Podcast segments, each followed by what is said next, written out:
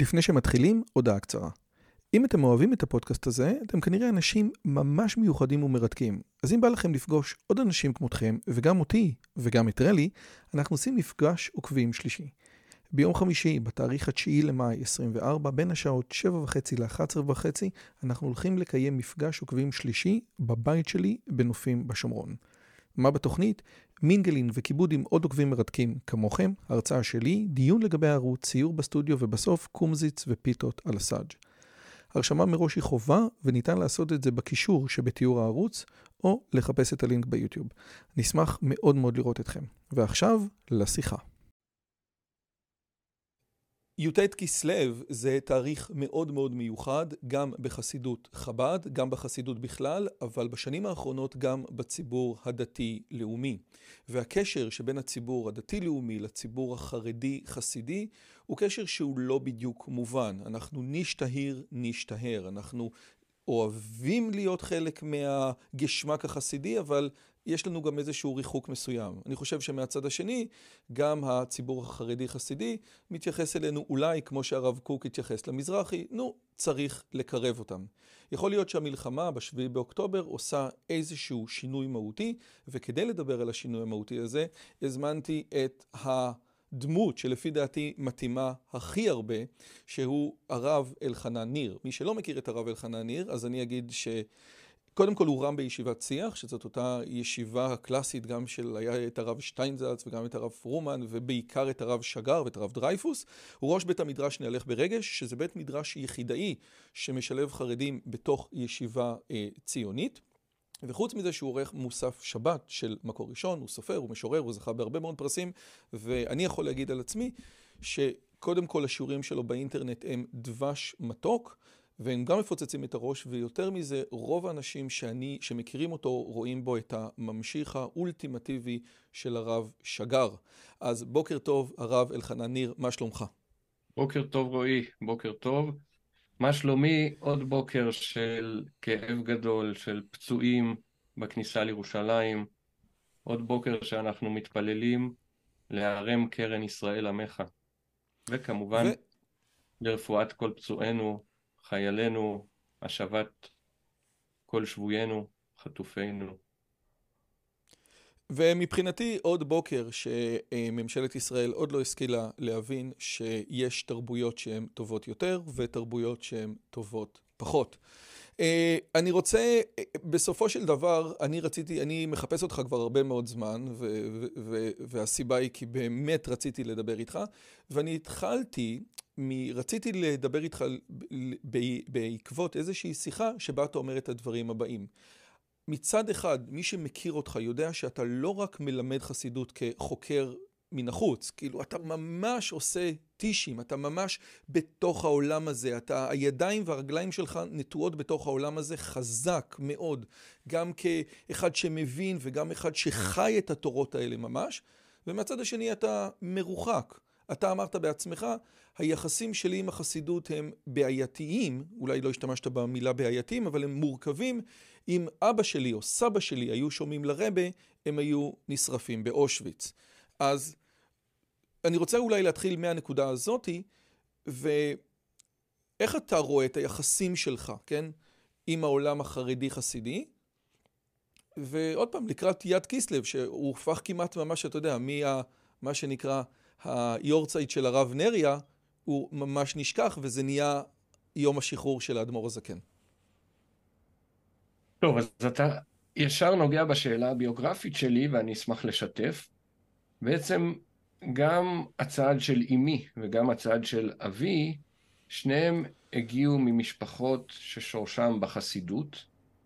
מצד אבי אנחנו משפחה של חסידי בובוב, יש לנו תמונה שתלויה לי פה על השידה, הנה אשתף בה, שבה רואים, אולי במטושטש, את בעל הקדושה ציון, שזה הרבה מבובוב שנהרג בשואה, יש לו ניגונים יפהפיים, היה אדם פלאי, וסבא רבא שלי היה המנגן שלו, והסבא שלי גדל אצלו בחצר, זה מצד אבי, ומצד אמי אנחנו משפחה של חסידי בלז, אה, קשורים בקשר קרוב, קשרי חיתון ודם עם משפחת רוקח, משפחת אדמו"רי בלז, ובעצם הסיפור של שני סביי דומה למדי, הם לפני קרוב למאה שנה ניגשו לאדמו"רים, כל אחד במקומו, וביקשו לעלות לארץ, האדמו"רים התנגדו והם עלו לארץ. והם עלו למרות ההתנגדות. כן, סבא אחד שלי היה שותף להקמת המושב שדה יעקב, מושב הפועל המזרחי הראשון בעמק יזרעאל. אחותו הייתה ממקימות כפר יהושע, רחוק תודעתית משדה יעקב, אבל קרוב מאוד גיאוגרפית, הלבבות קרובים. והיה תמיד איזו מורכבות ביחס לעולם החסידי שלא ראה נכוחה את המצב, התנגד לעלייה לארץ, ושרבים ממנו, כולל כל משפחתנו, הסבים הגדולים שלי, הדודים הגדולים שלי, כולם נהרגו באש, עלו באש במשרפות, בשואה. אבל במשך השנים, ואני מגיל צעיר ככה, נמשכתי אל העולם החסידי. כלומר, העולם החסידי שלא היה חלק מההוואי המשפחתי שלנו. היו ניגונים שעברו במסורת, יש מנהגים, אבל האירוע לא היה האירוע החסידי. החסידות נתפסה כאיזה זיכרון של הגלות, של המציאות הקטנה, של החולשה, ופה בארץ קם משהו אחר, כזה שהרב קוק נתן לו פענוח לדור ההורים שלי. ואני בגיל צעיר, כן, בגיל 14 הגעתי לישיבה בירושלים, ישיבה לצעירים, הישל"צ, והנה אני מוצא את עצמי בגיל 14 בהתוועדות חי אלול, מיד על תחילת הלימודים, אחר כך בהתוועדות י"ט בכסלו, הזכרת את הרב עדין שטיינזלץ, הלכתי אז בכיתה ט' להתוועדות שהוא ארגן, שהוא הנהיג, ומאז, במשך 30 שנה, אני קרוב מאוד לעולם החסידי, חי את העולם החסידי, נושם, מתפלל, נוסע אל גדולי החסידות, אל הבעל שם טוב והמגיד, ויחד עם זה, גם מורכב... מלמד, לי... מלמד, מלמד. אני, שוב, שווה באמת להסתכל על, על, על כמות החומר של חנן מעלה ב, ביוטיוב של ישיבת שיח, שהוא חומר מדהים, גם, גם מהצד המחקרי שלו, וגם מהצד ה, ה, של העמקות לגבי הנושא הזה. זאת אומרת, אתה, זה לא, גש, זה, זה לא דג מלוח בשבת, כן? זה, זה, זה משהו אחר לגמרי, אתה ממש נטוע בזה. זה שוב, זה חשוב מאוד לחדד, כי עוד לא ענית לי על ה... אבל אתה לא שם. אז כן, אני באמת אה, עוסק, כאמור, בשלושת העשורים הללו, אה, בתורה החסידית, במתנה שהבעל שם טוב והמגיד ותלמידיהם הביאו לעולם. ויחד עם זה, כמו שאמרתי, אני לא חי כמו שקהילה חסידית מסורתית חיה. במובן הזה שהמבנה של אדמו"ר וחסידים אינני חלק ממנו. יש לי חברים שהם אדמו"רים, חבר אחד טוב שהוא אדמו"ר חשוב פה בירושלים, וממש חברות אישית, במובן זה שהוא הגיע אלינו לסוכה, עכשיו בסוכות האחרון. אה, אני מגיע אליו. יש לי זיקה עמוקה, אבל גם אמביוולנטיות לכל מיני מבנים חברתיים, אבל יותר מכך, לחוסר היכולת של החסידות להכיל הן את המודרנה, הן את העם החוזר לארצו ומבקש בה לחיות חיים ריבוניים, ואין היענות אל הגודל הנשמתי של הנשמות בדור הזה, שהחסידות בעצם עשתה צעדים חשובים ביחס לכך, אבל במובן מסוים כפתה על עצמה שמרנות רבה בדורות האחרונים. אני יכול להצדיק את, ה... את השמרנות הזאת, יותר להבין מלהצדיק, אבל אני חושב שזה גם מה שכולא אותה בתוך עצמה, ולא מאפשר לה בעצם לחדש את עצמה, לבנות מעצמה קומות חדשות של התחדשות רוחנית ותורתית ופנימית, ואני מבקש אותם.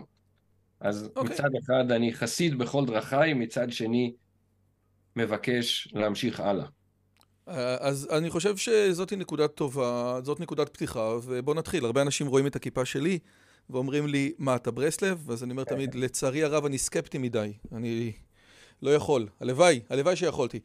אתה מדבר על מבנים חברתיים, בסופו של דבר אתה אומר חסידות, אבל הרבה מאוד מהדברים האלה היו יכולים גם להיות חרדיות ככלל, כן? זאת אומרת, היה אפשר גם למצוא איזשהו, זאת אומרת, למעט הניגונים וההתוועדות, המבנים החברתיים אלה מה שמשחקים תפקיד.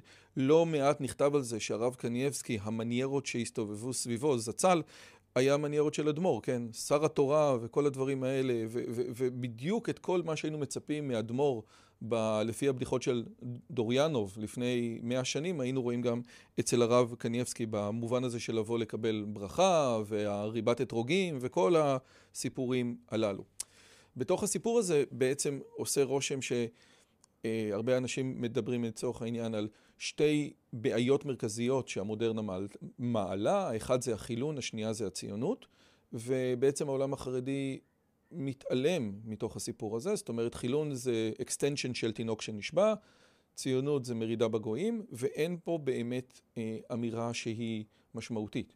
אז יכול להיות, כמו ששי רוזמן, שהוא העורך של התוכנית הזאת, אומר, שאם זה ככה, חרדיות במובן הזה, יש בה אלמנט סוציולוגי. חרדי הוא מי שילדיו לא לומדים ליבה, שזה באמת אחד הנקודות של חוסר יכולת להיכנס למודרנה, ואתה כל כולך בתוך המודרנה.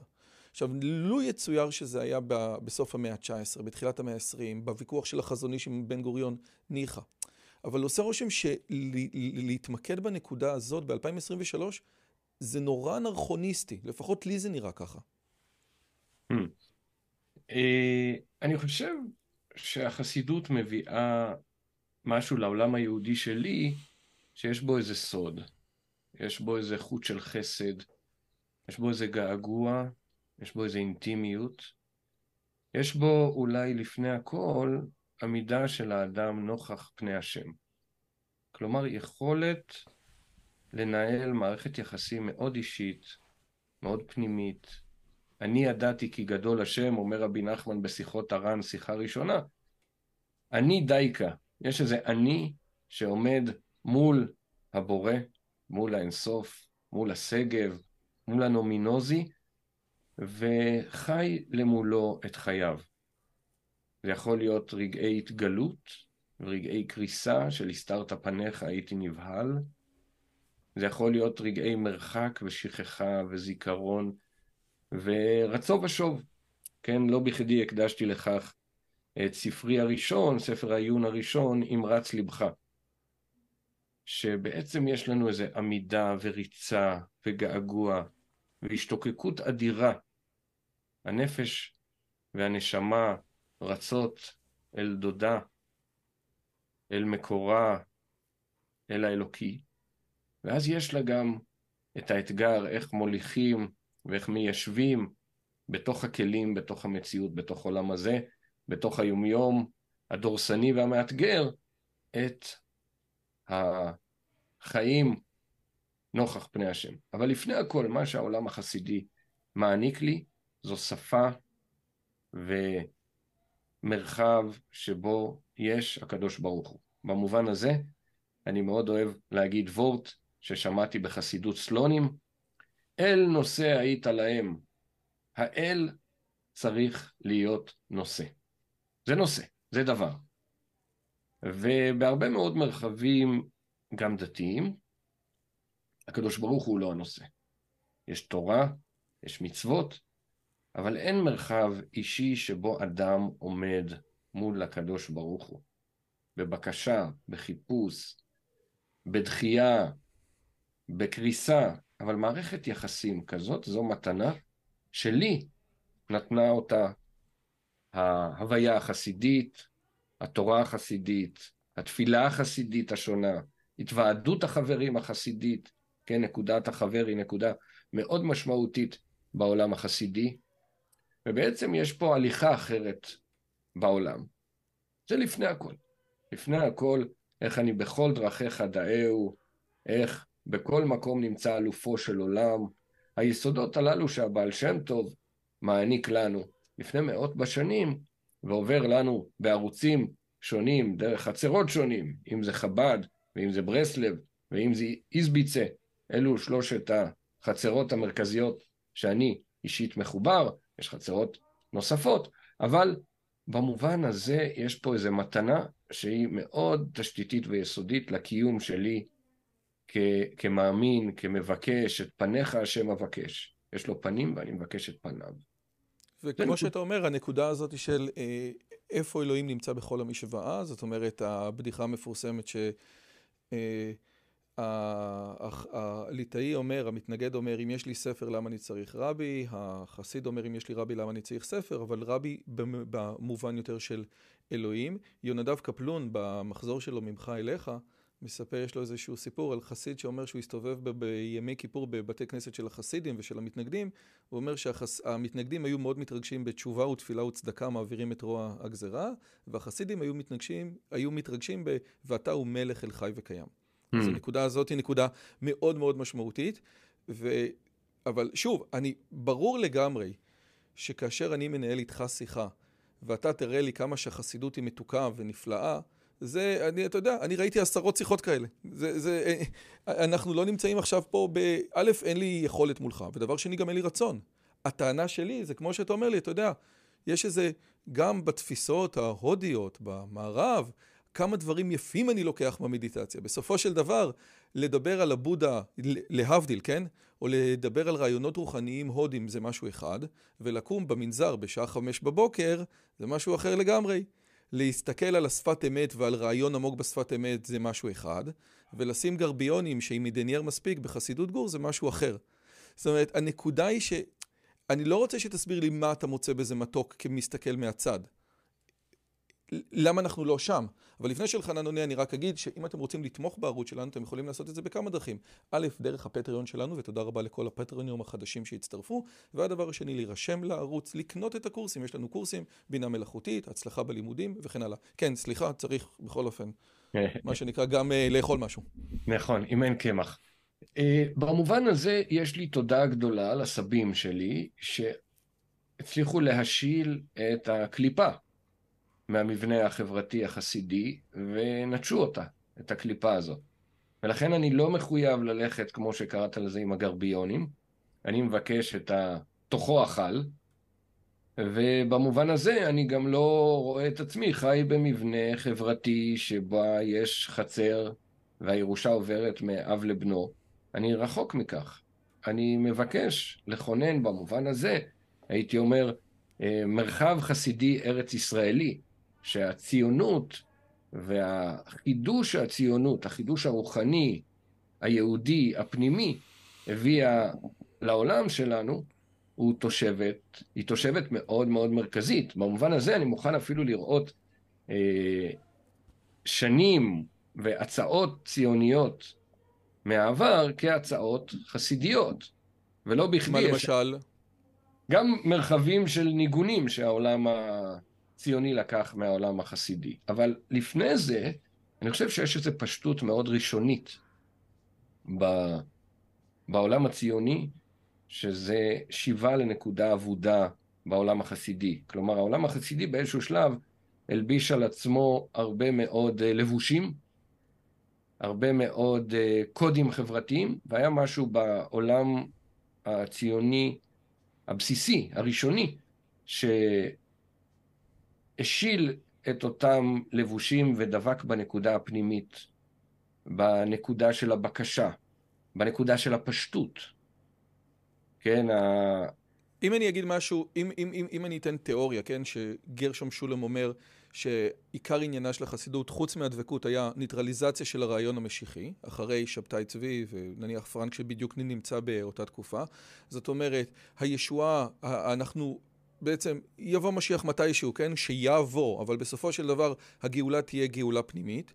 והרעיון הזה בעצם יותר מכל דבר אחר. אמנם הגמרא אומרת שמאז שגלה ישראל מארצו אין לך ביטול תורה גדול יותר, אבל הדבר הזה עשה אסקלציה משמעותית מאוד לרעיון של חיים רוחניים שמנותקים מחומר, ובמובן הזה הם אנטי התורה, כן? התורה אף פעם לא התעניינה, סליחה, התורה קודם כל התעניינה ב... העולם הזה, ולכן לא מעט במחקר אומרים, לא סתם חרדים לא לומדים תנ"ך. זאת אומרת, האם היית מקבל תיאוריה מהסוג הזה? במובן רב כן.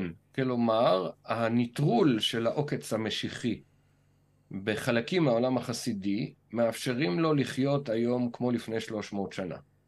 ואני רוצה לחיות היום כמו היום, עם כל האתגרים שהיום הזה אה, מכריח אותי.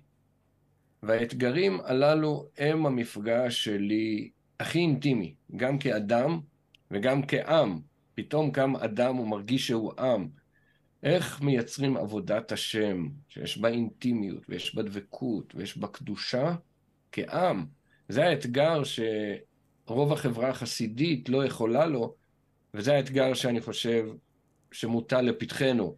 האנשים שרואים את עצמם כשייכים לחברה החסידית, אבל לא למבנים החברתיים שלה. הנאו-חסידות אולי זאת הגדרה יותר אה, מדויקת, שייכים אל התוך ולא מוכנים להסתפק בקליפה, אבל תובעים גם מהתוך הזה לראות איך הוא חוזר אל האנרגיות של התורה שבכתב. של אני התנא. רוצה, אז, אז אני, אני, אני ברשותך, ומתוך כבוד גדול, אני רוצה להחזיר אותך לזירה, נראה לי שקצת ברחת לי מהזירה לרגע, ואני רוצה להחזיר אותך לזירת המאבק. אתה אומר, אה, אני, את המבנים החברתיים אני דוחה, ובוודאי אתה לא מתעסק בגרביונים, ואתה לא מתעסק בירושה שעוברת, אבל זה בוודאי מבנים חברתיים שלכאורה על פניו נראים חיצוניים, ושאלה באמת עד כמה המבנים החברתיים אלה הם חיצוניים או לא. אבל בסדר, נניח שהם חיצוניים ובסדר. אני רוצה להיכנס איתך לתוך עצמו, למהות, כן? לאותה חוויית תמימות, כן? לאותו אידיאל של אותו החסיד, שהוא בעצם טוביה החולב, לאותה תמימות שרוב האנשים מפרשים אצל רבנו, כן? אצל הרב נחמן, כלזרוק את השכל. עכשיו, אתה יכול לבוא ולעשות כל מיני לומדס, שבעצם חלק גדול מאוד ממה שרב נחמן, יש חלקים מהמורה נבוכים ש, שמצוטטים ב, ב, בליקוטי מוהר"ן, ואתה יכול להביא את רבי פנחס מקוריץ, שלא נותנים את הספר מורה נבוכים כי זה ספר שמשתמשים בו, אבל אתה יכול יותר ממני להביא ציטוטים שמי שלמד מורה נבוכים רואים עליו את הכפירה על העיניים, כן? על המצח, או אני לא יודע, זו אמירה של רבי נתן, אני חושב, כן? זאת אומרת, אני רוצה, הנה, בסדר, אתה רוצה את התוך, בוא נריב על התוך. ובתוך יש את מושג התמימות האנטי-מודרני, אותו חסיד באיזשהו מקום טמבל, כן? רוב הסיפורים על הבשט סביב, חגים סביב הנקודה הזאת, שהדבקות שאותו ילד שמצפצף בצפצפה, זה הדבר הגדול ביותר שיש, ואנחנו מנסים לקחת את זה לאותו ילד שנוסע בבימבה בבית כנסת היום, שזה הדבר הכי גדול שיש. זאת הנקודה. איפה אנחנו, רב, אני רוצה לריב על המודרנה שעושה רושם שהעולם החסידי והעולם החרדי בזים לו או לא מוכנים לקבל אותו. כמהות. מצוין, יאללה, בוא נריב. אה, כן, אני חושב שיש כמה אפשרויות בעצם להתמודד עם המודרנה. אני רוצה לפרוס פה שתיים מהן, יש עוד רבות, אבל לטובת העניין, יש את הדרך האידיאולוגית.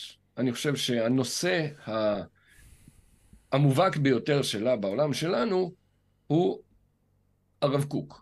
הרב קוק אומר, תראה, יש פה אידיאולוגיה שהיא חילון, שהיא בעצם מרוקנת את מרחבי הקודש מעצם היותם, אבל אני אצליח לתת מענה לשאלות הגדולות שהחילון בכלל, והחילון הציוני בפרט מעלה, ואני אייצר מענה אידיאולוגי כל כך משמעותי, שבאמצעותו אני אוכל לקחת חלקים מתוך החילון, אבל להיאבק בצורה אידיאולוגית עם החלקים האחרים.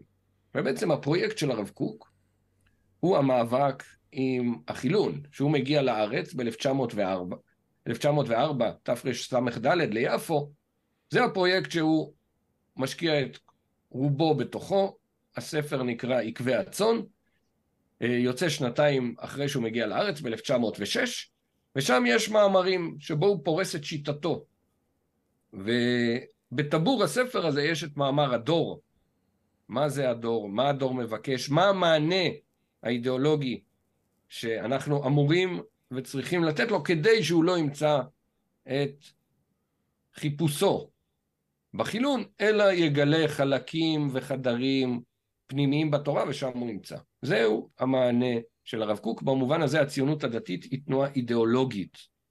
ואגב, לא... ואגב המאמר הזה ש, ש, אה, אה, אה, שהבן שלו שולח לברנר, זה מאמר, או העבודה של הרב קוק, מכוונת לאליטה האינטליגנטית של מי שנמצא בארץ. הוא בא לשכנע את השמאלנים של פעם, כן? את האליטה האינטליגנטית, יש לכם מה למצוא, יש לכם עולם רוחני אידיאולוגי, כמו שהוא גם כותב בדעת אלוהים, יש לכם עולם רוחני אידיאולוגי ששווה לכם לשים אליו לב. הוא פונה לאינטליגנציה, לאליט. מסכים לגמרי, כלומר, וזה זורק אותי אל העכשיו, אני פותח פותחיים ועוד רגע אסגור, הרב קוק ראה את עצמו לפני הכל כנותן מענה למה שאבישי בן חיים יקרא לו לישראל הראשונה. כלומר, הזיהוי הפוליטי העכשווי כמרכז ובעיקר כשמאל. ולכן את העותק הראשון, כמו שציינת יפה, הרב צבי יהודה, בנו היחיד, מביא לברנר, כן, כל אחד יכול לחשוב היום על מי הברנר של היום, הן בעולם האינטלקטואלי, הן האקדמי, הן הספרותי, הן התרבותי. אני מניח שעולים כמה שמות, לא בהכרח אנקוב בהם עכשיו, אבל... רגע, שם... אני, רוצה כן, אני רוצה כן לנקוב, כי חלק מהמאזינים שלי אחרי זה יגידו, אבל אנחנו לא יודעים מי זה ברנר, כן? אז okay. אוקיי. יוסף חיים ברנר הוא משורר שמצד אחד אוהב מאוד, נשרף כולו באהבת ישראל, כמו שכתוב במלאכים כבני אדם, מהצד השני יש לו, כנראה הוא גייז, הוא אה, מאוד מאוד מאוד אנטי, מאוד מאוד מאוד אנטי, נרצח בפרעות תרפ"ט 29, הורידו את הראש שלו עם גרזן, ויש לו בעיה עם הסיפור הזה, כן? מי שרוצה לראות את המקבילה של ברנר, נניח, הייתי אומר, יובל נוח הררי, כן? זאת אומרת, זה...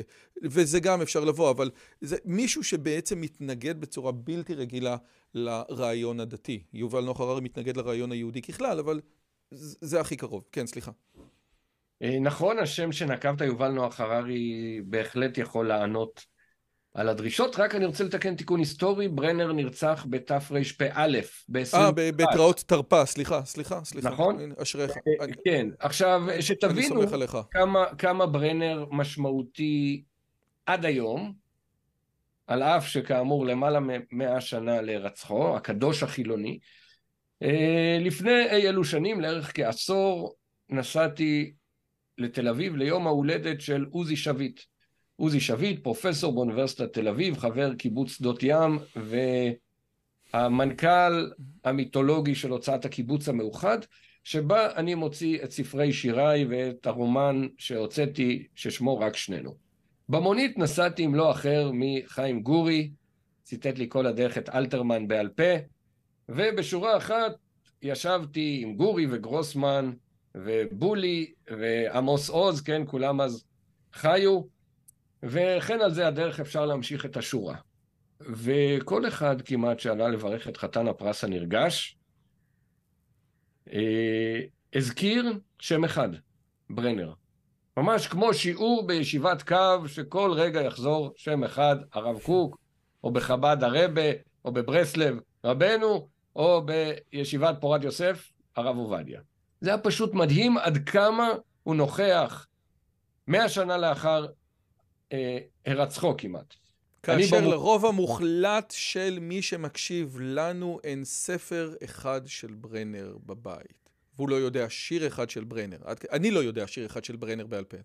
אה, אה, יותר פרוזה, הוא לא היה משורר, אבל... אז הנה, עד כדי כך אני לא יודע. עד כדי כך אני לא יודע.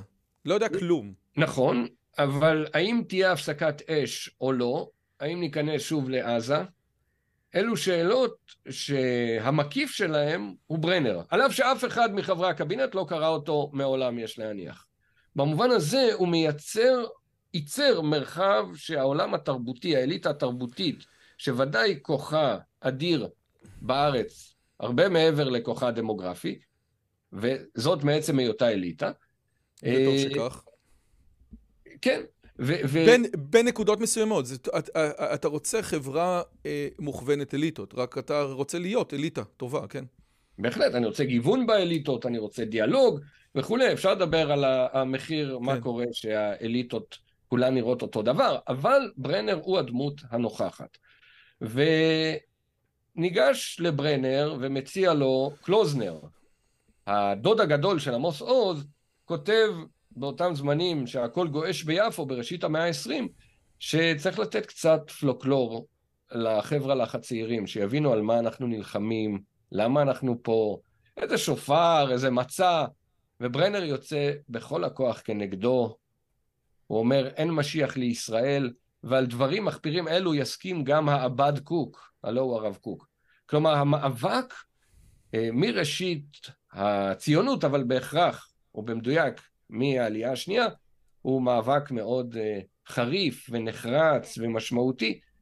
וגם בהיסטוריה המשפחתית שלנו יש סיפור שבשנת 1940 סבי, זכרו לברכה, שהיה מייבש ביצות בעמק יזרעאל, מיישב הארץ, נתקע בלי דלק בג'יפ, ערב כיפור, שעה לפני כניסת הצום, והוא ליד כפר יהושע, והוא מבקש מאחותו, פרידה, שתיתן לו קצת דלק שהוא יוכל להגיע הביתה, סעודה מפסקת, ולקבל את הצום, וללכת לבית הכנסת, לכל נדרי. אומרת לה אחותו בשמחה, אבל רבע שעה אחרי כניסת הצום ניתן לך מה שאתה רוצה. אז הנה סגרתי את הסוגריים עם אה, ברנר. אוי, נהדר. נהדר. אחותו. כן, כן, כן. כן. אה, אגב, יש לי איזה גלגול של הסיפור הזה. כאמור, הוצאתי את ספריי בקיבוץ המאוחד, וכל שנה העורכת שלי, לאה שניר היקרה, מקיבוץ בית השיטה, הייתה מתקשרת אליי בערב כיפור והייתה אומרת לי, תגיד, מה אכפת לאלוהים אם תאכל סנדוויץ' עכשיו או מחר? הוא אינדיפרנטי, מה אכפת לו?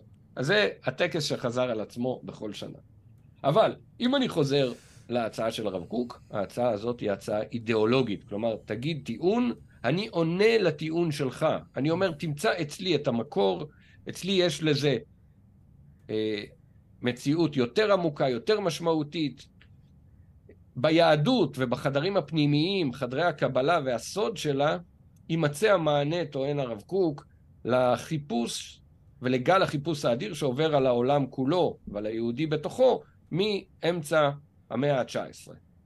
זה כיוון אחד, והציונות הדתית בנויה על הכיוון הזה. יש את הכיוון החסידי, שהוא בכלל לא על אותו מדף. כשאתה אומר כיוון חסידי, אתה, כי, אתה מדבר על שני כיוונים, אז זה כיוון חסידי, או אני יכול להכליל אותו ולהגיד זה כיוון חרדי? רגע, אני עוד רגע בא לסייג שזה אפילו לא החר... החסידי, אז אתה מנסה שאני... בסדר, אוקיי, זה אפילו לא... נכון, אוקיי, זה גם לא בדיוק הציונות. אני אנסה להדק ולדייק. כן. בא רבי נחמן, בסדר? הזכרת אותו. רבנו, מה זה, איזה שאלה? ומספר לנו סיפור על מלך שחלם שכל מי שיאכל מהתבואה ישתגע. כן, סיפור מאוד מוכר, אהוב, כתבתי עליו בהרחבה בספרי יהודי בלילה, ומה עושים כדי לא להשתגע? מה זה התבואה המשוגעת? נראה שזו הכפירה. העולם הולך להשתגע. הוא כותב בשיחות הר"ן, שיחה ל"ו, שיהיה זמן שיהודי כשר יהיה חידוש כמו הבעל שם טוב. הוא כותב לנו רבי ישראל מרוז'ין, שיהיה זמן לא רחוק שלהאמין יהיה קשה כמו לטפס על קיר שקוף של ברזל. כלומר, הם הבינו שהולך להגיע, הגל הזה כבר הגיע אליהם של כפירה, והם הבינו שעוד רגע את כולם יישא הרוח, כמו שכתב ביאליק בשירו הנודע. מה עושים? ויש לנו פה מלך ויש לו אהוב, והם שניהם טרודים בשאלה, ועכשיו יש פה שתי ורסיות בתוך העולם הברסלבי. האם הוורסיה האחת הקדומה יותר של רבי אברהם חזן אומרת... אחד ש... מגדולי תלמידי ברסלב. נכון. שאומרת בוא נעשה חושבים. אם המשנה למלך אומר בוא נכין לנו, אתה המלך ואני המשנה האהוב שלו, מהתבואה הקדומה שלא השתגעה, אז בעצם מה יקרה? זאת ההצעה של המשנה למלך. שלא נאכל מהתבואה המשוגעת, אלא יהיה לנו במחסנים משלנו. אבל אומר לו המלך, מה יקרה? אז אם אני ואתה לא נאכל, מי יהיו המשוגעים? אתה ואני. כן, הבדיחה שאומרת שאחרי כמה ימים שחנכו בירושלים את כפר שאול, בן גוריון ופולה הגיעו למה שנקרא לגזור את הסרט. בן גוריון ופולה עוברים בשבילים ופתאום הם רואים את אחד החברים, והם אומרים לו, שלום, שלום, מי אתה? אז בן גוריון אומר, אני דוד בן גוריון, זאת אשתי פולה, והשני מציג את עצמו. ואז הוא אומר לו, אל תדאג, כולם פה התחילו ואמרו שהם בן גוריון. בשעה אחת בצהריים, יש צהריים, וכדאי לך לתפוס מקום בפינג פונג. עכשיו, ברגע שאתה לא אוכל מהתבואה המשוגעת, שזו ההצעה של המשנה למלך, אתה תהיה בבידוד, אתה תהיה החריג. אומר המלך, אנחנו אוכלים אממה, כמו שאומרים החבר'ה, אנחנו נהיה המשוגעים, אבל משוגעים לא כפשוטו. איך? נסמן סימן. עכשיו, יש שתי אפשרויות. אני יכול לסמן סימן על ידי, לעשות פה נקודה, וכל פעם שאני אסתכל, יהיה לי תזכורת שאני לא משוגע. רבי נחמן לא הולך עם האופציה הזאת, הוא אומר, לא, אני אסמן על המצח, ולכן אני חייב לראות אותך, ואתה חייב לראות אותי. כשאנחנו ביחד, לא השתגענו. מה תורף האמירה הזאת של רבי נחמן, ועוד רגע אני אגיע לוורסיה המאוחרת יותר של רב לוי יצחק מנדר, שהוא דור אחר רבי אברהם חזן, הוא נפטר בסוף שנות ה-80, מעתיק השמועה החשוב בברסלב. אבל רגע לפני, אני חוזר להצעה הברסלבית. ההצעה הברסלבית אומרת, אין לי כוח אידיאולוגי, ואין לי רצון ואין לי חפץ להיאבק אידיאולוגית בחילון, בכפירה ובהצעות שהוא מציע ומגלגל לפתחי. אלא, אני רוצה לייצר מרחב אינטימי. מרחב שבו יש לי חבר, יש לי חבורה, ביחד אנחנו מנסים להחזיק את האמונה היהודית, הדבר מאוד קשה, אבל אנחנו לא מנסים לתת מענה אידיאולוגי. לא לכך נוצרנו, ובמובן עמוק אנחנו גם לא יודעים לעשות את הדבר. זו ההצעה הברסלבית. עכשיו, בתוך ברסלב, כאמור, הוורסיה השנייה טוענת להפך. הוורסיה השנייה אומרת שהמשנה למלך אומר בוא נאכל והמלך אומר לא נאכל. מה אכפת לנו אם נשתגע? שיגידו שאנחנו משוגעים. העיקר שאנחנו יודעים שהאמת שלנו. איתנו. ו- כלומר... ולכן, רב, ולכן רבי נחמן בערוב ימיו ישחק שחמט עם הכופרים? זה, זה, זה, זה הקונספט? כי ב... שוב, זה דיאלקטי, אני הרבה פעמים, הרבה פעמים אני שומע אותך, סליחה שאני אומר, כן? אל תיעלב. אומר דברים יפהפיים על החסידות, ואומר, נניח שהיית אומר את זה לרבי אברהם חזן, כן? אנחנו מנסים לייצר מימד אינטימי של, כאילו... זה, זה, לו יצויר, כן, ש, אה, אה, אה, שתלמידי ברסלב הוותיקים היו קוראים את הדרשות של הרב שגר על ליקוטי מוהר"ן, האם הם היו מבינים מה, מה הוא רוצה, כן? זאת אומרת, השאלה היא, האם האינטרפטציה שלך היא, היא קורולטיבית עם מה שעושים בברסלב, כן? זה, זה תמיד הייתה שאלה שעניינה אותי. עכשיו, כנראה שמה שאתה אומר זה נכון, אבל או שאתה שם את זה בכלים מודרניים, או ש... אתה איתי לגבי השאלה הזאת? אני לגמרי. אה, תראה, אני חושב שהעולם החסידי, המסורתי, זקוק להצעה הזאת. רק אתמול התקשרו אליי שני חסידים מבורו פארק, האחד חסיד גור והשני חסיד בובוב, אה, שאמרו שהם נהנים מהספרים ומהשיעורים ביוטיוב, ובמובן הזה הם הודו לי על הפריצה שהם מרגישים שנעשית במקומנו, ביחס לעולם החסידי. אנחנו לא יכולים לעשות את הדבר. שום דבר חסידי משמעותי לא מתרחש אצלנו, הם אמרו. אבל אנחנו זקוקים לפריצה הזאת. זה דבר אחד. דבר שני, אני גם לא מחפש את ההסכמה של חסיד ברסלב המסורתי, שאגב אין, אין רבים כאלו, אבל לא זאת הבקשה שלי. הבקשה שלי היא באמת להיות שותף ליצירת אה, שפה רוחנית שניזונה מהעולם החסידי, ניזונה מעולמות נוספים, כמו שאמרתי, גם הציונות וגם מרחבי הספרות והתרבות העולמיים, ולייצר מכל אלו את השפה הדתית והפנימית והאמונית. ולהשתמש בדברים האלה אולי בתור מקורות השראה. יש איזה סיפור שסיפרתי, אני חושב, פה בפודקאסט כמה פעמים. לפני כמה שנים היה לי הופעה במירון, ולקחתי איזה טרמפ. חסיד צאנז, אבל למדן, שמוציא כל... כל חודש קובץ של שיעורי תורה וחידושים הלכתיים רציניים מאוד. ממש, והוא נתן לי איזה, יש לי עדיין את אחד הספרים שהוא נתן לי, ובגלל שאני עם הכיפה הזאת, אמרתי לו, אתה מצטט מרבנו גם? עכשיו, שוב, זה חסיד, לא אומר כאילו, חסיד, צאנז עם החתול, עם הכל, כן? כאילו, פיקס. ו- והוא אמר לי, לא, והתשובה הייתה מדהימה. והוא אמר משהו בסגנון של, רבי נחמן הוא כל כך לא מובן, שאם אתה מוצא בו משהו, זה אומר הרבה יותר עליך והרבה פחות עליו. ככה הוא אמר כחסיד צאנז שכותב שיעורי תורה רציניים, זאת אומרת שהוא מתוך הסיפור הזה.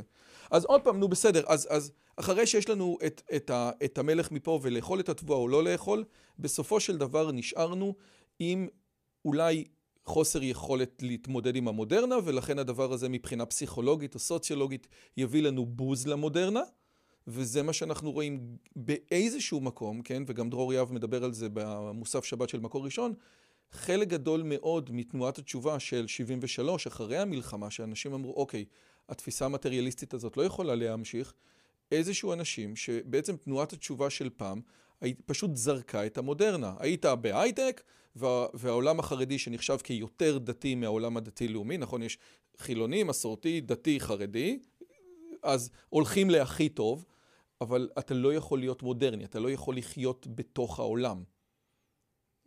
מה עם זה? אם אני מסתכל על תנועת התשובה, באמת הגל הראשון החל ממלחמת יום הכיפורים. התחילו שלושה גלים מאוד משמעותיים שאני חושב תנועת התשובה היא אולי הפחותה מבין הגלים האחרים מצד חשיבותה, אבל היא סופר חשובה. אני אזכיר שתי תנועות שקמו במקביל לתנועת התשובה, האחת היא גוש אמונים והשנייה היא שלום עכשיו. אלו שתי התנועות שגם אם נראה שרשמית כבר אינם חיות ובועטות, הוקטורים שהם הכניסו לפוליטיקה ולחיים שלנו פה הם וקטורים שלא ישוערו. אפשר להגיד אם זה טוב או לא טוב, והיה משהו בחידוד הקצוות ואובדן הברית המשותפת שאפשר לדרוש לשבח או לגנאי, זה לא ענייני, כי המציאות עצמה... אתה, אתה צודק במאה אחוז, ורק לחדד, חלק גדול, אחת הטענות של דרור יהב לצורך העניין, שבגלל שהציונים היו עסוקים בגוש אמונים, אז לא היה להם, זאת אומרת, אז, אז תנועת התשובה, בין היתר, יש עוד כמה סיבות, הלכה לעולם החרדי, כן? זאת אומרת, כן. הציונים היו עסוקים במשהו אחר. אגב, והיום, ב-2023, הם לא עסוקים בזה. ויש פה מקום לייצר תנועת תשובה אמיתית, לגמרי, שהיא לא מוותרת על המודרנה.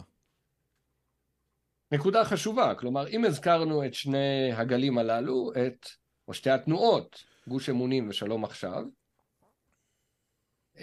תנועת התשובה בעצם בראשיתה, אחר מלחמת יום הכיפורים, היא תנועת תשובה ליטאית. לאמור, הדובר הראשי שלה הוא אורי זוהר כמובן, ויש פופי קרנון ורבים ונוספים, שאין מציאות של עולם, אנחנו ממירים את העולם על כל מה שאנחנו הצגנו וראינו בתוכו, התרבות, או התרבות הקלוקלת, אה, אורי זוהר יכול לקרוא לזה, ואני מתמסר כולי לאוהלה של תורה, וזה כולל ניתוק, ואורי זוהר ידע לדבר הרבה על יש אורי זוהר עד החזרה בתשובה ויש מישהו חדש לחלוטין שבמובן עמוק אין לו זיקה כלל וכלל והוא אפילו מתבייש בגלגול הקודם שלו. מעדיף להכחיש אותו ולהתעלם ממנו. משנות התשעים, אפילו האלפיים, אנחנו נראה תנועה אחרת. כן, אה, שולי רנד ואביתר בנאי ונוספים. אגב, אז אני רוצה, לפני שאתה מגיע לשולי רנד ואביתר בנאי, לפני כמה, ו- וזה גם מה שהתחלנו את השיחה, לפני שבוע יש מאמר של אחד מגדולי הרבנים הליטאים החרדים, הרב אה, בונים שרייבר, לאו דווקא מאמר, אבל איזשהו אה, אה, סרטון יוטיוב שהוא אומר שהיחס לחיילי צה"ל הוא, הוא אמור להיות כמו, זאת אומרת, אין באמת ברית. זה, זה אין ברית משותפת בינינו ובינם, ומישהו שאל מה היחס לחיילי צה"ל, והוא אמר בקולו, כן? זאת אומרת, זה לא הוצא מהקשרו, מה היחס שלך למי שמנקה את הזבל. על הסיפור הזה, מיכאל אברהם, שכבר האשימו אותו בכל דבר, בוודאי שגם אה, בלהיות אפיקורס, כותב על, על הסיפור הזה את הדברים הבאים, כן? אה, אומר, אני מכיר היטב את צורת החשיבה החרדית, ובפרט הליטאית הזאת, כן? שזה חלק ממה שאנחנו מדברים על תנועת התשובה, שיש בה שילוב של ניתוח שכלי קר, מדהים. זאת אומרת, בסופו של דבר, העולם החרדי, פונוביץ' יודעים ללמוד גמרא by far יותר ממה שהציונות הדתית אי פעם תגיע, וצריך לתת על זה את הדעת בזמן אחר. אבל הניתוח שכלי קר עם פורמליזם ילדותי, שמוביל לאנלוגיות טיפשיות ומנותקות, ובעצם גם מרושעות. מאוד טיפוסי, ושמעתי מאות פעמים טיעונים כאלה בסגנון, אה, כמעט אנטישמי, על זה כבר אמר ג'ורג' אורוול שיש הבלים כל כך גדולים שרק אינטלקטואלים יכולים לומר או לקבל. אז לפעמים בתוך העולם הזה, ואתה מתייחסת למה שבונים שרייבר אומר, שאי אפשר לבוא ולהגיד, טוב, הוא, הוא, הוא סתם. הוא אחד הגדולים ביותר של העולם החרדי. כשאתה מתעסק בניתוח שכלי קר בתוך העולם של בבא קמא, לפעמים אתה מנותק כל כך ממציאות שאתה יכול להגיד דברים שהם הזויים לגמרי. המקבילה זה אותו, אותו ברטרנד ראסל, אחד מהמוחות הגדולים של המאה ה-20, שרצה לתת להיטלר פרס נובל לשלום, כן? עד כך, עד כדי כך, אתה מנותק לגמרי מהמציאות. אה, טוב, אז נשהה לרגע, הייתי במהלך שדיבר על תנועת התשובה, אבל כיוון שזרקת את דבריו של אותו רב שרייבר, נתייחס אליהם. הטרגדיה שדבריו הללו הם חלק ממערכת שלמה של מתקפות של גדולי הרבנים הליטאים בעת האחרונה כנגד ה... לא רק הגיוס לצבא, אלא הזיקה לחל... ל... ללוחמי צה"ל. עד כדי אמירתו שציטטת ממנה שנאמרה באחד מבתי המדרש של ישיבת מיר בירושלים. אחד שאל אותו האם אחד האברכים, האם צריך שיהיה לנו, אנחנו האברכים, הכרת תודה ללוחמים, והוא אמר, למה יש לך הכרת תודה לפועלי הזבל? אז אני רוצה לטעות על הראשונות. כן, יש לי הכרת תודה אדירה לפועלי הזבל, זה דבר ראשון. כלומר, אני רואה פה פגם מידותי בעצם התודעה ביחס לקיום האנושי הפשוט. במובן הזה המשפט הלמדני, הליטאי, שכל של תורה הוא, שכל, הוא הפך שכל של עם הארץ, עומד... או חזית... הפך שכל של בעל הבית, כן? בעל הבית. אולי יותר חמור וזה, נכון. כאשר ברור לגמרי שמשה מכיר תודה ליאור, למרות שהיאור לא רצה להציל אותו, כן? זאת אומרת, הרעיון הזה של הכרת תודה, אם הולכים לדרש קל היה, קל מאוד היה למצוא מקומות שעושים הכרת תודה, גם כשמישהו היה חייב לעשות לך, גם כשמישהו לא רצה לעשות לך. נכון מאוד. אז מעבר למובן מאליו הזה, אז אם שכל של תורה הוא הפך שכל של בעל הבית, אומר לנו הרב קוק בהקדמה לאורות הקודש חלק ג', אסור לה ליראת שמיים שתדחוק את המוסר הטבעי. אז הנה יש לנו פה התנגשות חזיתית בין תורת הגלות תורת בבל לתורת ארץ ישראל, בין הבבלי לירושלמי. ובהקשר הזה אני חושב שמה שאמרת, שבי פאר הלמדנות בפונוביץ' לעולם לא יגיע אליה למדן דתי-לאומי, אני אגיד יותר מזה. אני מדבר על, על, על, על, על הישיבות התיכוניות, סליחה, כאילו, על שנייה, אבל... שנייה. אה, א', אני חלוק, ב', חלוק עובדתית, ב', העולם הזה שייצר למדנות מנותקת לחלוטין מעולם המידות הנפשיות, מעולם הריאליה, מעולם ההלכה, הוא עולם שאינני רוצה שהלמדן הארץ ישראלי ינסה להיכנס לתחרות בתוכו. כלומר, אני לומד רב שמעון שקופ בשערי יושר ורב חיים בריסק בחילוקיו, אבל זה שלולית משמעותית אך קטנה בתוך הים הגדול של העולם היהודי והתורני, שתכליתו עסוקי שמע תעליבא דהילכתא.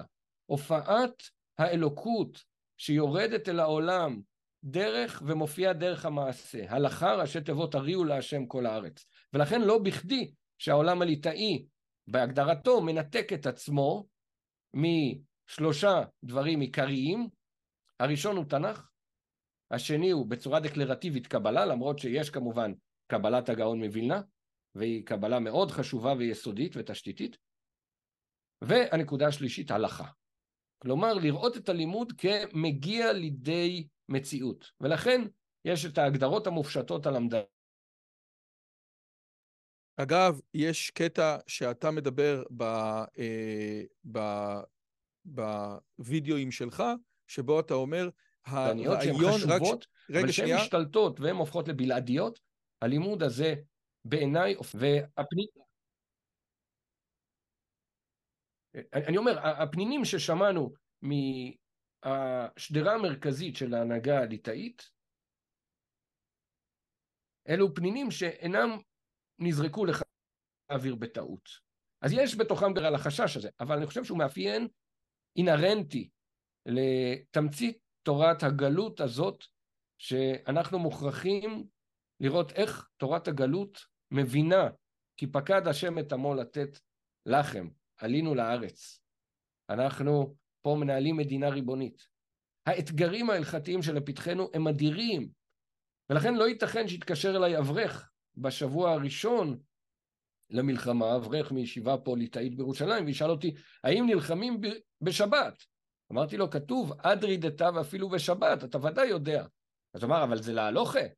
כלומר, הלימוד הזה, הלימוד האפריורי, מייצר בעיניי מוטציה מבחינה בית מדרשית. ולכן אני אינני רואה את עצמי שותף באיזה תחרות. אני רואה את עצמי שהיסודות המרכזיים של הלמדנות שלי יושבים על המשולש של דבר השם שמופיע אלינו בתנ"ך, דבר השם שמופיע אלינו בהלכה, ודבר השם שמופיע אלינו בקבלה ובתורה הפנימית. אגב, אני רוצה להגיד, קודם כל, יש באחד השיעורים שלך, אמרת שלהיות בעל הלכה זה פחיתות כבוד בתוך עולם חרדי. זאת אומרת, אומרים לבן אדם, תלמד הלכה. זאת אומרת, הרעיון, האידיאל שאני מבין, הבנתי מהשיעורים שלך, של עולם הישיבות החרדי, זה התפלפלות או לימוד גמרא לשמה, מבלי קשר לעשו כשמטה אליבא דהילכתא, מבלי קשר להביא את זה לעולם האמיתי. בהקשר הזה, אני חושב שהרב שרקי אמר יפה, שצריך, בעיקר בכל עסקת החטופים האלה, הזאת, צריך לבכות על זה שהשאלה ש, ששואלים את הרבנים היא בפדיון שבויים ולא בדיני מלחמה. זאת אומרת, זאת אומרת, הרב, בוא תעשה את הדרשות שלך במטבח, עם האיסור והיתר, כן? זאת אומרת, אנחנו לא באמת, העולם, העולם הדתי אין לו say, או העולם היהודי, יש לו say רק, ב, רק בנקודות קטנות. אין לו say משמעותי. לצערי הרב, אני אגיד שאני חושב ש... אתה יודע, אני ראיתי שהרב דוב ליאור אמר שיש פסק הלכה לגבי עסקת החטופים, וראיתי שהרב אה, יצחק יוסף אמר שיש פסק הלכה אחר, כל אחד נתן פסק הלכה, והיה ברור לי לפני מי יגיד מה. ואז mm. אמרתי, אז אם זה ככה, הרי זה מה שאנחנו אומרים על בג"ץ, נכון? אם ידוע לך מראש מה שופטי בג"ץ יגידו, זה לא לבג"ץ. אה, איך יכול להיות, אם זה ככה, הרי מה, מה, מה הטענה של מיכאל אברהם? שמעולם בן אדם לא השתכנע מדרש לגבי משהו שהוא לא היה, שהוא לא חשב קודם, כן? הדרש לא משכנע אף אחד, אוקיי? אז אולי גם ההלכה לא משכנעת אף אחד. כולם, לך ברור שהרב דוב, דוב ליאור יהיה נגד העסקה, ולכן עוצמה יהודית הצביעו נגד, והרב יצחק יוסף, כנציג המדינה, יהיה בעד העסקה, ולכן הוא הצביע... אז מה פה? טוב, אנחנו כבר רצנו לאזורים נוספים. אה, במובן הזה... אה, אבל שנייה רגע, אבל האזורים האלה הם משמעותיים. אני בעצם, אתה אומר דברים נכונים. אני רוצה משהו שהוא מהותי, אני לא רוצה להיות מנותק מתוך העולם. אני רוצה את, ה, את, ה, את, ה, את, ה, את התנ"ך ואת ההלכה, ואני רוצה את הקבלה, אני רוצה את כל הדברים האלה. ואני אומר, בואנה, אתה יודע מה מגניב לאללה? רק שים לב, לגבי ההלכה, אני בתור בן אדם דתי מסתכל על זה ואומר, זה נורא מוזר שאני יודע מראש, כאילו, אין פה באמת איך יכול להיות ששני גדולי תורה, הרב דוב ליאור מצד אחד והרב יצחק יוסף מהצד השני, כל אחד מסתכל על אותה סיטואציה, אומר דברים אחרים לגמרי, ואני יודע מראש, או בהסתברות מאוד גבוהה, למה כל אחד יגיד את זה? אולי אין פה באמת הלכה, אלא רק דעות שכל אחד שם עליהם את הרפרנסים שלו? אה, אני חושב שזה יותר מורכב, במובן הזה שאנחנו רואים את גדולי התורה הדתיים לאומיים חלוקים ביחס לעסקת ג'יבריל הנודעה והבעייתית כל כך. הרב שלמה גורן מצד... אה, מתנגד במובהק לה, והרב ישראלי והרב חיים דוד הלוי, הרב של תל אביב, אומרים שיש לה מקום. כלומר, זה לא שהגעתי מוכן ואני יודע מה כל אחד מהם יגיד. אה, אבל אני חושב שצריך גם לומר בפה מלא, שלא מעט מהאתגרים הלאומיים שלנו, ההלכה עצמה צריכה למצוא בתוכה אה, אה, את השפה ההלכתית. אני אסביר. אם הפוסק ההלכתי במשך כל השנים, ומה שהוא נדרש, כן, שאני באתי לקבל את השמיכה לרבנות, על מה נשאלתי? על שאלות שקשורות ליורה דעה ואורח חיים. אם אדם מבקש תעודה כדיין, הוא נבחן על אבן העזר וחושן משפט. שזה אבל... סכסוכי שכנים, בקטנה, נכון, רק נחדד, נכון. זה סכסוכי שכנים. אומר נדב שנרב, לעולם ההלכה אין שום דרך להתעסק עם כלכלה מודרנית, אומר, אני חושב, הרשב"א, שמי שירצה מדינת הלכה, והוא אומר את זה במאה ה-12, המדינה תתמוטט, אז במאה ה-12 ההלכה לא הייתה מותאמת, בטח ובטח עכשיו, ולא סתם כאשר אתה בא לדין תורה, אומרים לך, בוא תחתום שזה פשרה. כי הכי, מי שהכי מתנגד למדינת הלכה, זה אותם דיינים.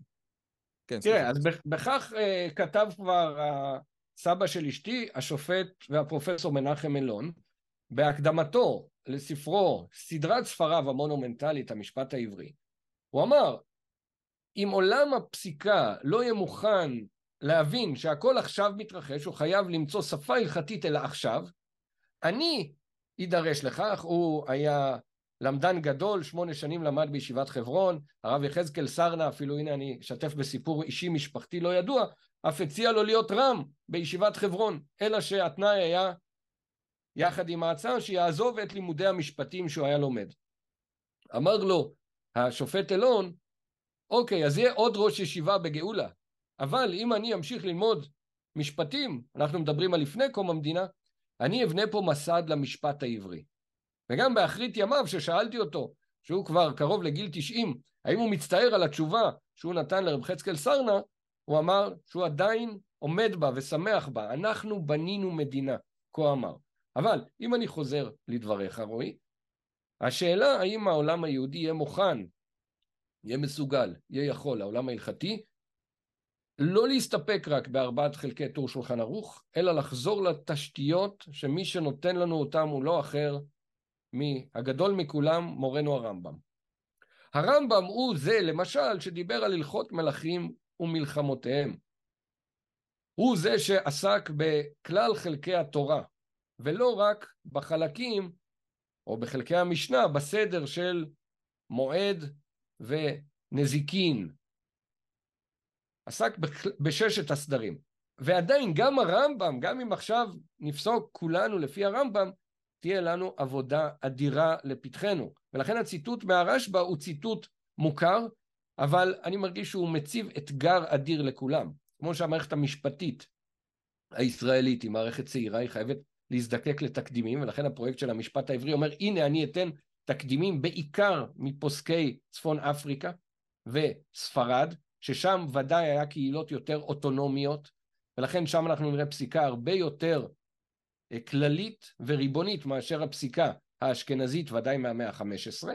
אנחנו אם כן נזקקים לעסוק בפועל איך העולם ההלכתי נותן מענה לשאלות הרות הגורל הללו. ואני חושב שהדבר לפתחנו. אין בקיים כדי לפרנס את כל האתגרים ואפילו לא את רובם. אז אני, אז אני, שוב, אני חושב שמה שאמרת הוא כל כך חשוב, כי ה, מה שנקרא השולחן ערוך עניינו האוטונומיה היהודית, השטייטל הקטנה הזאת, כן? בנתיבות התלמוד, הרעיון הזה שבעצם באים במלחמת איטליה חבש, או במלחמת איטליה אתיופיה, באו לשמוע את דעת, דעת ישראל דרך האוניברסיטה העברית, כן? אותו ברגמן שסיפר ששואלים אותו, נו, יש לכם כבר פילוסופיה חדשה? ובעצם העולם היהודי הוא, הוא, העולם היהודי זה עולם שבעצם נותן, העולם היהודי הדתי זה העולם שבעצם נותן את זכות הדיבור במלחמת הרעיונות הגדולים ביוטיוב, לצורך העניין ליובל נוח הררי, כן? זאת אומרת, למה במקום שבו כל אחד שם את המרכולת שלו, אני צריך לשמוע את סיפורי בראשית מג'ורדן פיטרסון? איך זה יכול להיות? איך זה יכול להיות ש, שהרצאות של פיטרסון על בראשית הן הרצאות שכמובן עוברות דרך פילטר נוצרי משמעותי מאוד, אבל למה, איך יכול להיות, אולי אני אעשה אחרת, איך יכול להיות, מה אנחנו צריכים לעשות כדי שאנחנו ניכנס לאותו מרכולת של רעיונות ונשים את הרעיונות שלנו בחזית, ובואו נראה מי מנצח, מי מביא רעיון יותר טוב. איך אנחנו יכולים לעשות את זה? שאלה מצוינת, אני זוכר שכשלמדתי במרכז הרב, אז הייתה בדיחה שהלכה בספסלים האחוריים, שהרב קוק כתב מאמרים, כמו מהלך הידיעות בישראל וזרעונים, שפורסמו בעיתונות הכללית, כן, יש עדויות של אביגדור המאירי ונוספים, איך אה, כל העיתונים אחרי טבח תרפ"ט נחטפים, כי הרב קוק כתב שם מאמר פותח. איך להגיב? אחר כך הבן שלו, הרב צבי יהודה, כותב בהצופה, והתלמידים כותבים באיזה אלון ישיבתי פנימי. כלומר, יש פה ודאי... בתחומין, בתחומין. בתחומין הלכתית ובעלון שבת כן. של מכון מאיר, אה, דברי פרשת שבוע ואקטואליה. אה, אני חושב שלפני הכל, בית המדרש חייב להכיר את השפה הרוכשת בעולם הידע והרעיונות. כלומר, כל אה, תלמיד חכם חייב לדעת, לא בצורה של תיווכים אינסוף, לקרוא ספרות מקצועית, לקרוא כתבי עת, לקרוא עיתונות שמביאה את הפילוסופיה, הסוציולוגיה, הפסיכואנליזה, וכן על זה האופן. אגב, לא לקרוא על, כמו שאנחנו תמיד אומרים, אלא לקרוא את. יש הרבה סוגיות לגבי האם הרב קוק קרא את הגל, מאמר להלך הידיעות בישראל הוא קלאסי. כנראה התשובה היא לא, זאת אומרת, הוא קרא משהו שעל, אבל יכול להיות שהרב הרב קוק זה הספיק.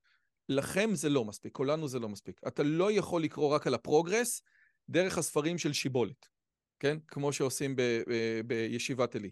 אתה חייב להבין את הדברים האלה. רק תקרא ספר שרק מסביר למה הם לא צודקים, זה לא עובד. זה לא יעזור לך. ובעצם השאלה היא, האם אנחנו מוכנים, כן? זה עבודה רצינית. או שאני אומר, הרב קוק יכול היה להעלות ניצוצות מהפרויקט הלאומי והליברלי, והרי הדברים ידועים, הרב קוק דיבר על שלוש כוחות במחננו, אורות התחייה, פרק י"ח הידוע, הוא מדבר גם על היוניברס, לא רק הלאומיות.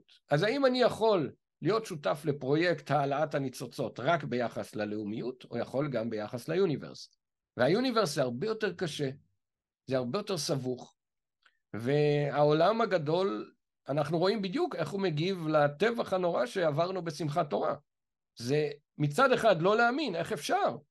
מצד שני אנחנו חייבים להבין, כן, אה, אה, לעשות עבודת ברורים, להבין מה קורה פה, מדוע כל העולם השתגע, איך יכולים להיות האנשים בקמפוסים לתמוך ברצח תינוקות ולראות איזה מענה אנחנו יכולים לתת. אה, אף אחד לא יעשה את העבודה עבורנו, מה אנחנו יכולים להביא לעולם, ואני חושב וגם רואה שהעולם מחכה לנו.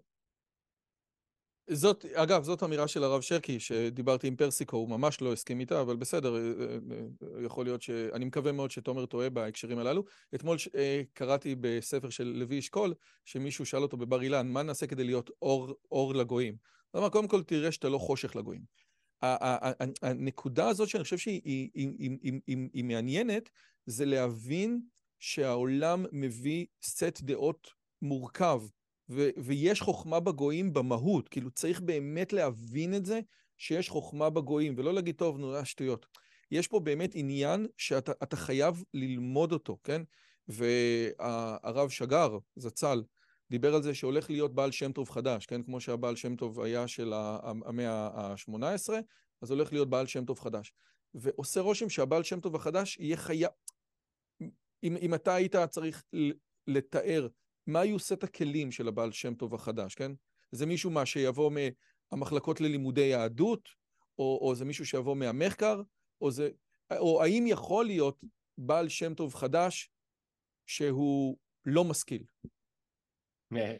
אה, אני חושב שמבחינה הזאת זה אדם שצריך להיות לפני הכל מושרש באינטימיות היהודית לדורותיה, מחויב למסורת ישראל בת עשרות הדורות ואלפי השנים. לפני הכל לשבת באסנס הכי הכי תשתיתי של תורה שבכתב ותורה שבעל פה ומסורת הדורות. לפני הכל. והנה אני ממשיך. להבין על מה יושבת התרבות המערבית, להבין מה העקרונות התשתית שלה, להבין גם את העולם המזרחי, המזרח אסיאתי, אני חושב שבכך רבים אצלנו כושלים שאינם מבינים את התשתיות המזרח אסיאתיות, זה נראה אגב, לנו... אגב, לאלחנן יש הרצאה מדהימה שהוא מדבר על התרבויות האסייתיות, שהוא בעצם דיבר על תרבויות המזרח, כן, במאמר המפורסם של הרב שגר, ואחד המורים אמר שכזה דבר הוא לא רוצה לשמוע. אה, שיחת יוטיוב נפלאה, אני שם לכם קישור פה באתר, ממש שיחה מדהימה. כן, סליחה. תודה. כן, זה, זה נושא שאני גם אה, עוסק בו הרבה. עם היפנים. ובהקשר הזה אני גם אה, אשתף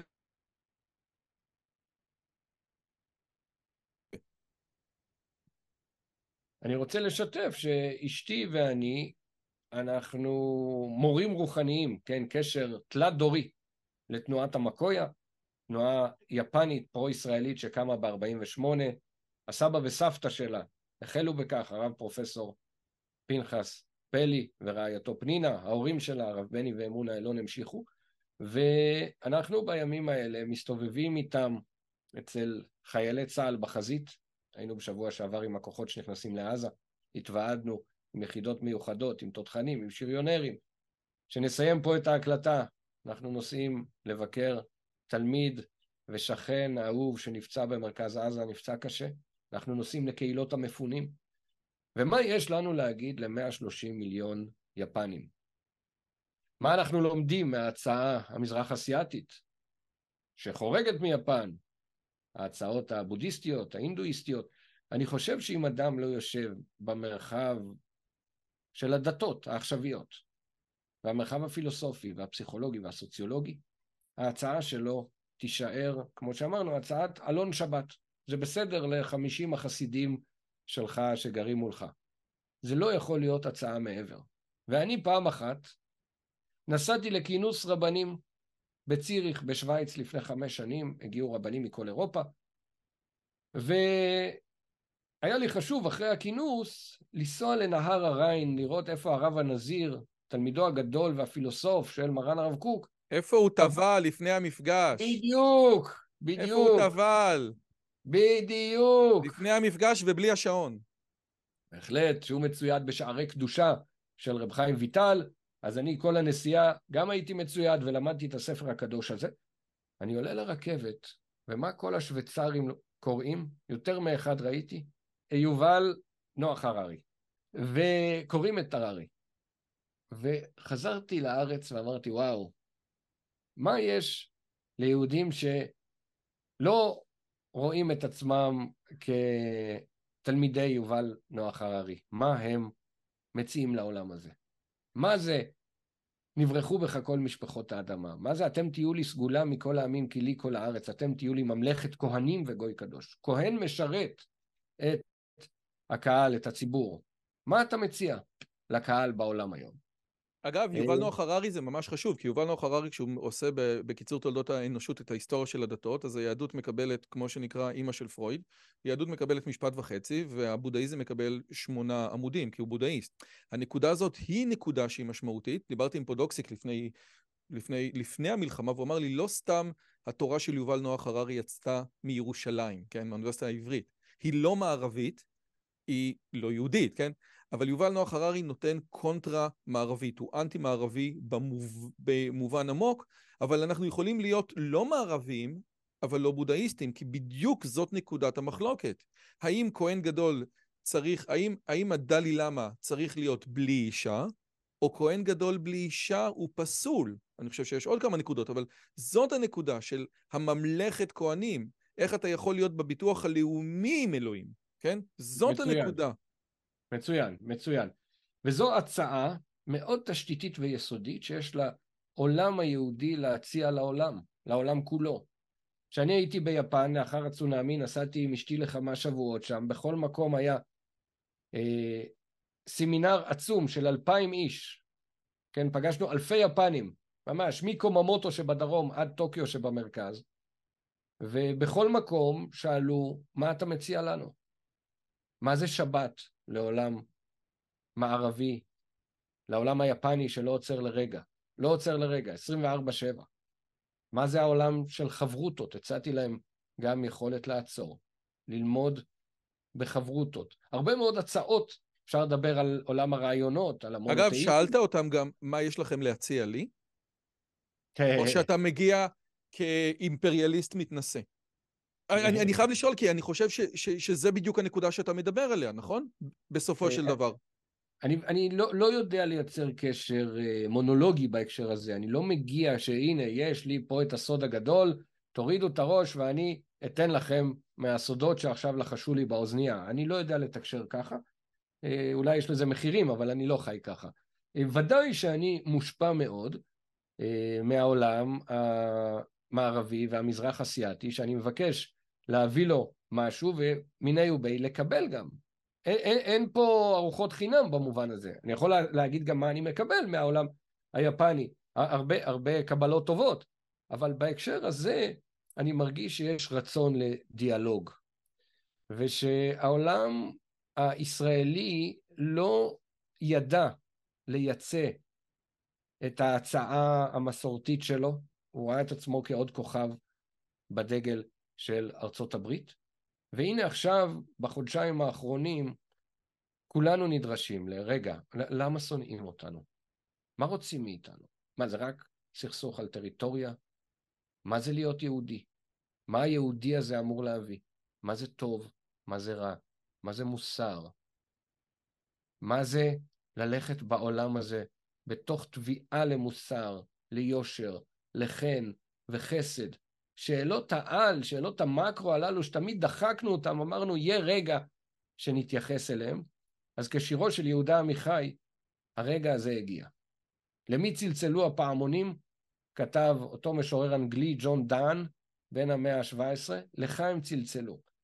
והימים הללו הם ימים שהפעמונים מצלצלים לכל אחד מאיתנו. ואתה ימים... מסכים עם הרב שרקי בהקשר הזה, שברגע שהיהדות תגיד, הנה, אני, שאנחנו, שבאמת הם מחכים לשמוע אותנו, אמרת את זה מקודם, אבל אני רוצה רגע לחדד את זה, ש... מדינת ישראל זה אירוע תנ"כי, אה, אה, אה, רוסו מדבר באמיל, כן, על זה שאנחנו מחכ... לא יודעים מה היהודים אומרים, כי אין להם מדינה, שיהיה להם מדינה עם אוניברסיטה, אז נשמח לי מאוד לשמוע. אתה חושב שאם, מה, ש... אולי אני אהיה ציני, שאם נגיד, כן, מה הטעם פתח בבראשית? כוח מעשיו וגיד לעמו וכו', זה שלנו וזהו, לכו. כן? אז הדבר הזה הוא, הגויים יקבלו אותו באמת אם, אם, אם נבוא עם הרש"י הראשון לאו"ם, זה יעזור? אני חושב שהתודעה של רש"י הראשון, שמסביר למה הארץ שלנו, היא תודעה שאנחנו צריכים לחיות אותה.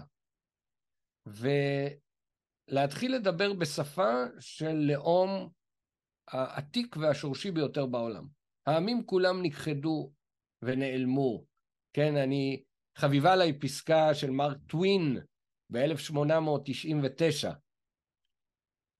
היהודים עשו מאבק מופלא בעולם הזה, בכל הדורות, אך כשידיהם קשורות מאחורי הגב.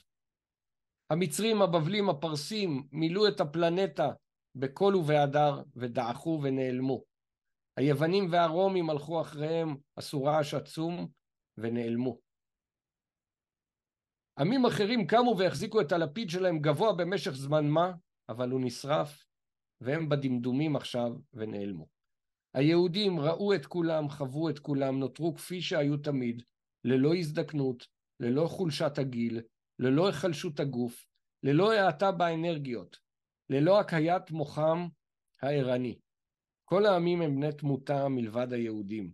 כל שאר הכוחות חולפים, אבל מה נשאר? הם נשארים. מהו סוד העל מוות שלהם? כן, אני משוכנע, יהיו שיאמרו בתמימות, אבל אני משוכנע, וזה פגשתי במסעותיי בעולם, הן במזרח והן במערב, את הבקשה הזאת. מה יש לנו להציע? וכל עוד אנחנו לא נדע מה יש לנו להציע, אנחנו נהיה חסרי משמעות ביחס לתביעה הגדולה שאנחנו נתבעים.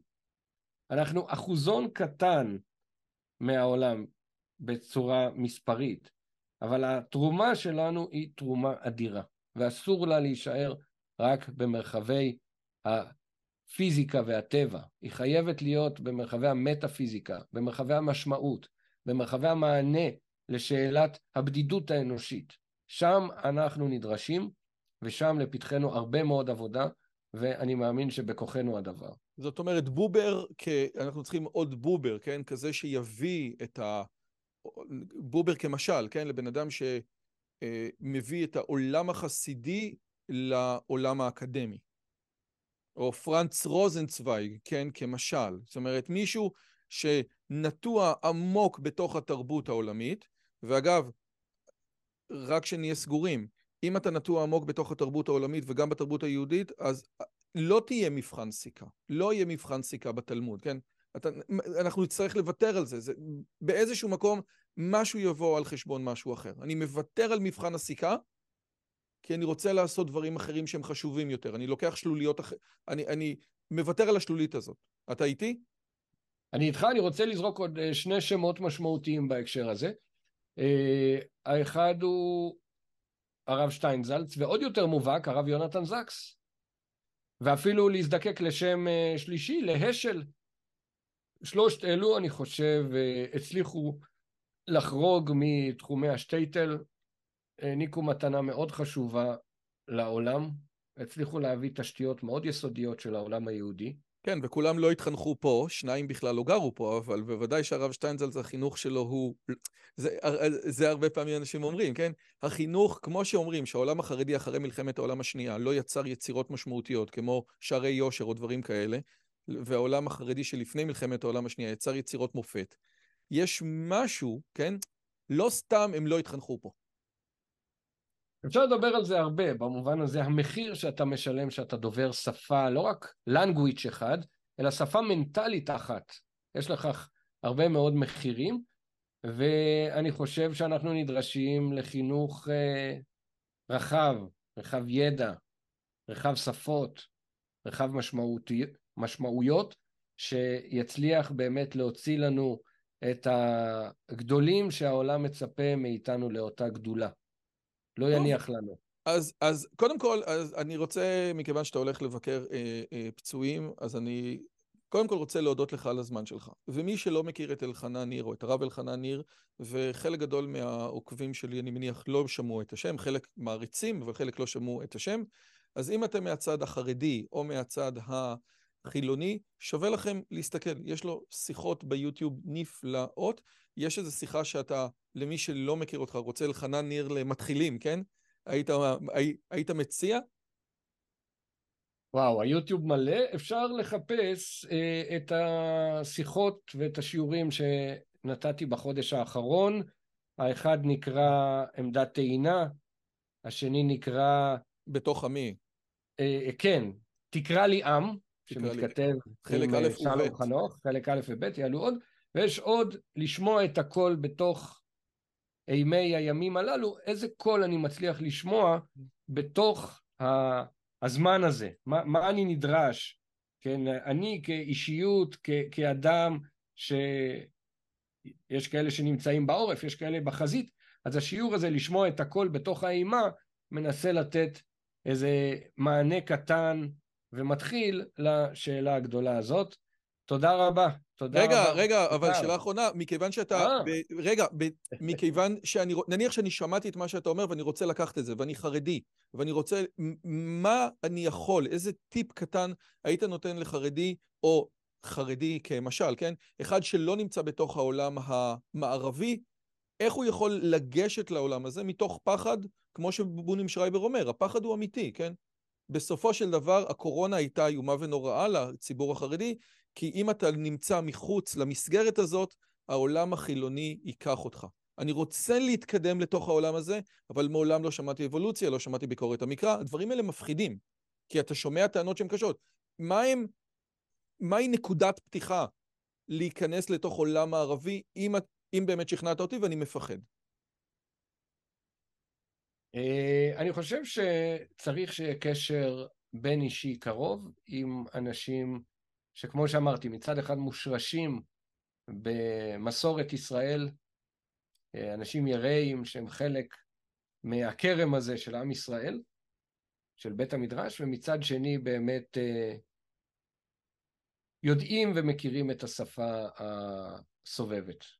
אז. תתחילו עם הספרים של הרב זקס ושל הרב השל, ואם יגידו לכם שהוא קונסרבטיבי, תגידו זה שטויות במיצג בנים. והנה, גם אני הקטן, אם רוצים, יש כמה ספרים מוזמנים אז תודה רבה. הרב אלחנן ניר, תודה רבה על הזמן שלך, זה היה מרתק. תודה רבה, ובשורות טובות, ישועות ונחמות. אמן. וואו, איזו שיחה מרתקת.